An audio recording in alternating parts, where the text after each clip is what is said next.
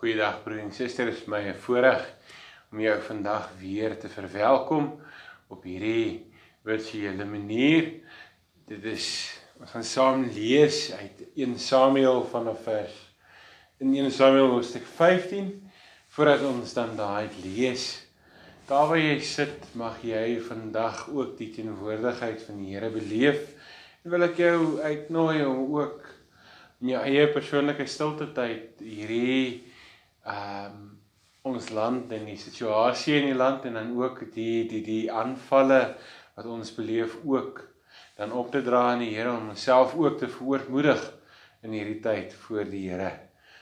So wat ons dan bymekaar is ook op hierdie manier kom ons bid dan saam.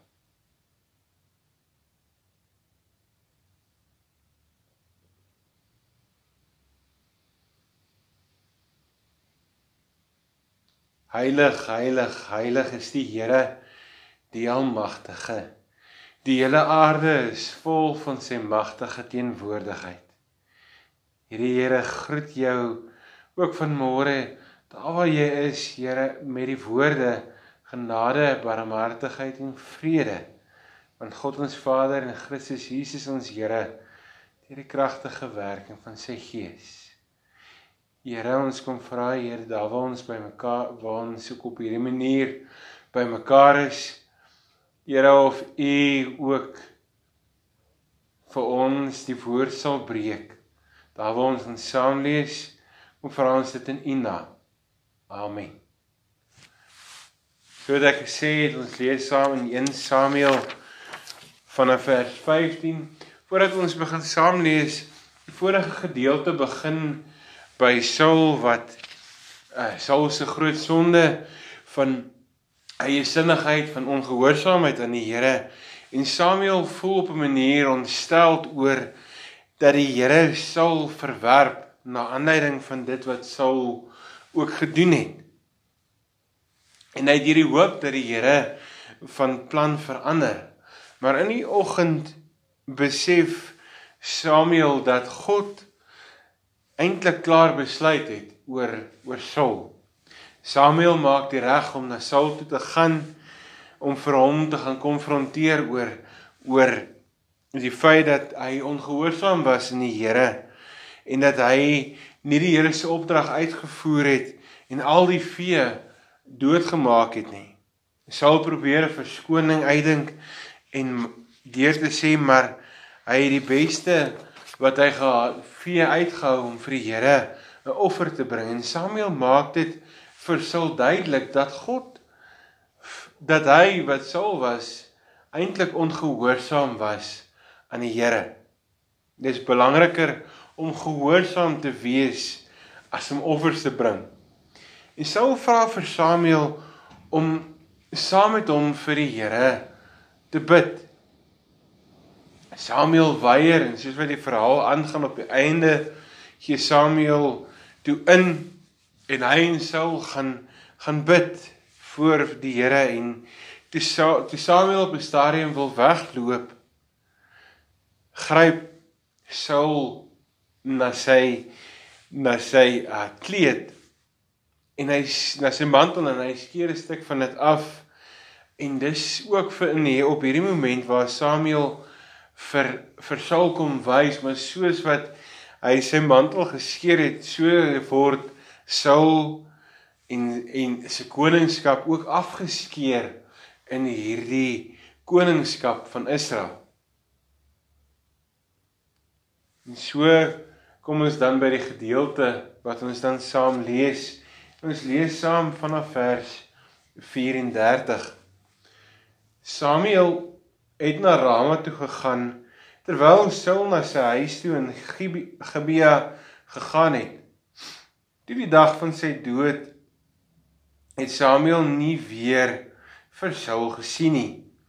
Samuel het oor Saul getreur en die Here was bedroef daaroor dat hy vir Saul koning oor Israel gemaak het. Die Here het vir Samuel gesê: "Hoe lank gaan jy nog oor Saul treur nadat ek hom as koning oor Israel verwerp het? Maak 'n horing vol olie en gaan na Bethlehem toe. Ek stuur jou na Isaai toe, want onder sy seuns sien ek vir my 'n koning. Samuel vra toe: "Hoe kan ek gaan? As Saul dit hoor, sal hy my doodmaak." En die Here sê vir hom: "Neem 'n vers saam en sê: Ek het gekom om vir die Here 'n offer te bring. Nooi dan vir Isaai na die offer toe. Ek sal jou meedeel wat jy moet doen. Sal vir my die een wat ek jou sal beveel." Samuel het gedoen wat die Here gesê het. By sy aankoms in Bethlehem, die leiers van die stad hom ontstel tegemoet gekom en gesê: "Kom u in vrede." En hy het gesê: "Ja, ek het gekom om vir die Here 'n offer te bring. Reinig julle en kom saam met my na die offer toe." Hy het vir Isaai en sy seuns gereinig en hulle na die offer toe genooi. Toe hulle inkom het Samuel vir Eliab gesien en gedink die gesalfde van die Here staan hier voor my. Maar die Here sê vir Samuel moenie na sy voorkoms of sy buitengewone lente kyk nie want ek het hom nie gekies nie. Die Here kyk nie na dieselfde dinge as die mens nie. Die mens kyk na die uiterlike, maar die Here na die innerlike. Toe roep Isaia vir Abinadab en laat hom voor Samuel verbygaan en hy dink die Here het ook hierdie een nie gekies nie. Daarna het Isaia vir Sama laat verbygaan. Samuel het gedink die Here het ook hierdie een nie gekies nie. Nadat Isaia se sewe van sy seuns voor Samuel laat verbygaan het, sê Samuel vir Isaia: "Die Here het nie een van hulle gekies nie." Daarop het Samuel vir Isaai gevra: "Is dit al jou seuns?" En hy het die en hy het geantwoord: "Die jongste is nog oor, maar hy pas skape op." Toe sê Samuel vir Isaai: "Laat haal hom, want ons eet nie voordat hy nie hier is nie." Isaai het hom laat haal. Het 'n rooi gelaatskleur gehad, mooi oë en goeie voorkoms. Toe sê die Here: staan op salf hom want dis hy Samuel het die horing met olie gevat en hom voor sy broers gesalf die gees van die Here het van daardie dag af kragtig in Dawid gewerk daarna het Samuel klaar gemaak en na Rama toe gegaan. Hierdie Bybel vind ons God wat manne en vrouens kies vir sy diens wat nie die voor die hand liggende keuse is nie. Soos ons ook verlede week gehoor het hoe ons uitgepraat het oor Jeremia sien ons dit en beleef ons dit ook in hierdie gedeelte ons sien en ons dink weer terug aan aan aan die die getuienisse wat ons lees in die Bybel hierdie was nie die tipe mense wat ek en jy verwag of sou verwag het dat God sou kies vir sy doelwitte nie. Maar dan vertel die Bybel juis dat God dit baie keer doen. Hy werk met die volgende riglyn eintlik en met die volgende beginsel. Die Here kyk nie na dieselfde na dieselfde dinge as die mens nie. Die mens kyk na die uiterlike, maar God kyk na die innerlike. Ons as mens is baie meer besorg oor ons reputasie as ons karakter baie keer. Ons karakter wat iets kom sê van wat hier binne in ons aangaan en ons reputasie oor dit wat mense van my en van jou dink. God kies bewuslik as ons hierdie gedeelte lees mense wat ek en jy en die res van die wêreld jy sal miskyk. En hier sien ons in 1 Samuel 16 doen God presies dieselfde. Isaal, Isai, die trotse pa van 8 seuns, kom bring sy eerste 7 seuns na die die die die die die geleentheid toe en God besluit dat hy uit hierdie familie sy volgende koning soek. Samuel sien hierdie 7 seuns en al 7 is nee. Maar toe vra Samuel vir Isaai, is daar nie miskien nog een nog 'n kind nie? Ja, en dis die antwoord wat Isaai gee. Ja, die jongste is nog oor, maar hy pas skape op. Dawid tree toe tot hierdie gesprek nie as 'n belangrike persoon nie, maar eintlik as 'n persoon wat nie eers 'n naam aan gekoppel word nie. Die Hebreëse woord wat gebruik word wat gebruik word om hierdie jongste seun te beskryf gaan eintlik daarom om te sê dat hy maar altyd die kleinste sal wees dat hy eintlik die jongste boetie is en niks meer nie.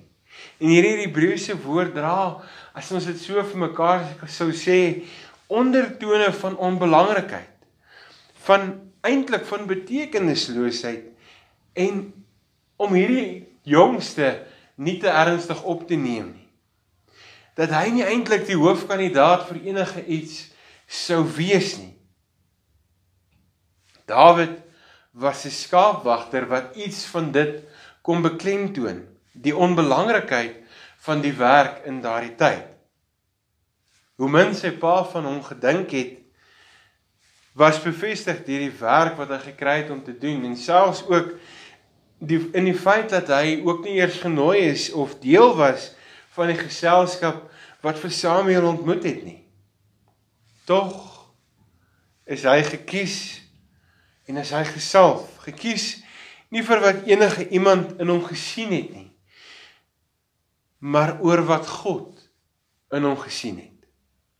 God kies en salf hom net soos wat hy vandag my en jou ook gebruik, ook kies, ook roep in sy wêreld, in sy diens. God, so wat ons lees in hierdie gedeelte, kyk nie na die innerlike nie. Of kyk na die innerlike. Hy kyk, hy soek konings, priesters, profete.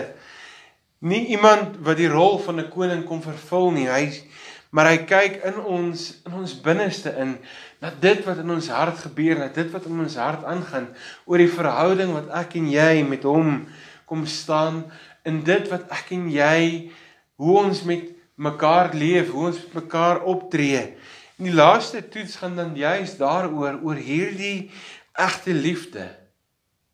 Nie oor dit wat ons dink nie, maar oor dat ek en jy die God wat ons beleef, die God wat ons hart kom aanraak, daai liefde kom uitleef in hierdie wêreld.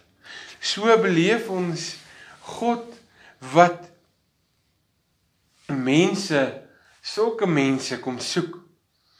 Want deur gewone egte mense doen God buitengewone goed. Deur gewone mense wat van hom afhanklik is. Ek en jy wat van die Here afhanklik is, kom gebruik God my en jou getuienis, my en jou werke kragtig in hierdie wêreld. Kom gebruik God ons in 'n kreatiewe verhouding tot die Here en op 'n onvoorspelbare manier beleef ons God se grootheid. Beleef ons God wat sy wil in hierdie wêreld deur ons laat posvat. So lees ons in hierdie gedeelte God wat sy asem blaas op Dawid. 'n Seun wat 'n leier word van Israel, 'n koning van Israel. So sien ons soos wat ons verlede week gepraat het, Jesaja en Jeremia wat die Here gebruik as profete As ons Nuwe Testament toe gaan, een van die groot getuienis, een van die groot sendelinge, Paulus, wat hy verander van vervolger na apostel. En so kom gee God vir my en roep God my en jou ook in hierdie tyd. Dis wat God van ons vra om op 'n manier na ander mense te kyk en te sien dat God hulle ook liefhet. Dis die implikasie van 1 Samuel 16 vers 7. Dit gee vir my en vir jou as Jesus volgelinge 'n manier om met sagte oë na ander te kyk. Dit gaan daaroor dat ek en jy in hierdie wêreld sal besef maar as ons iets van 'n Christelike getuienis wil uitleef, gaan dit oor wat ons wat in ons hart is. Dit gaan daaroor dat ons in hierdie verhouding met God dit sal uitleef en nie mekaar sal vertrap om bo uit te kom nie. Maar juis dat ons mekaar sal dien. Juis dat ons sal soek vir die goeie in ander mense. Dat ons mekaar sal oorlaai met die goeie wat God vir ons gee, sodat ons ook hierdie getuienis van God se goedheid kan uitleef. Dit gaan daaroor dat ons in hierdie wêreld 'n sterk getuienis sal gee vir die wat tekort het, vir die wat nie 'n stem het nie. Mag ek en jy hierdie getuienis uitleef elke oomblik van elke dag. So wat ons bymekaar is, kom ons sluit die oë, dan bid ons saam. Here, ons kom in hierdie oggend en ons kom dankie Here dat U ons roep dat U ons hierdie wêreld instuur. Maar dat U Here ook vir ons die krag en die genade kom gee om die getuienis van U goedheid, van U genade te kan uitleef. Here, ons kom in hierdie oggend en kom vra U Here ons kom dra ons boere aan U op. Ons kom dink Here aan die misdaad in ons land. Ons kom vra U Here Tree asseblief in tot die gesprek. Tree toe, Here. Here, ons kom dink aan hierdie pandemie wat ons beleef. Gee Here u genade. Gee Here dat ons sal terugdraai na u toe, Here, ook met dit dat ons Here ons hulp en ons krag by u sal soek. Maar Here, dat ons ook as getuies van u goedheid en van u genade in hierdie wêreld sal leef. Dankie Here vir die seën wat ons ook kan beleef elke dag.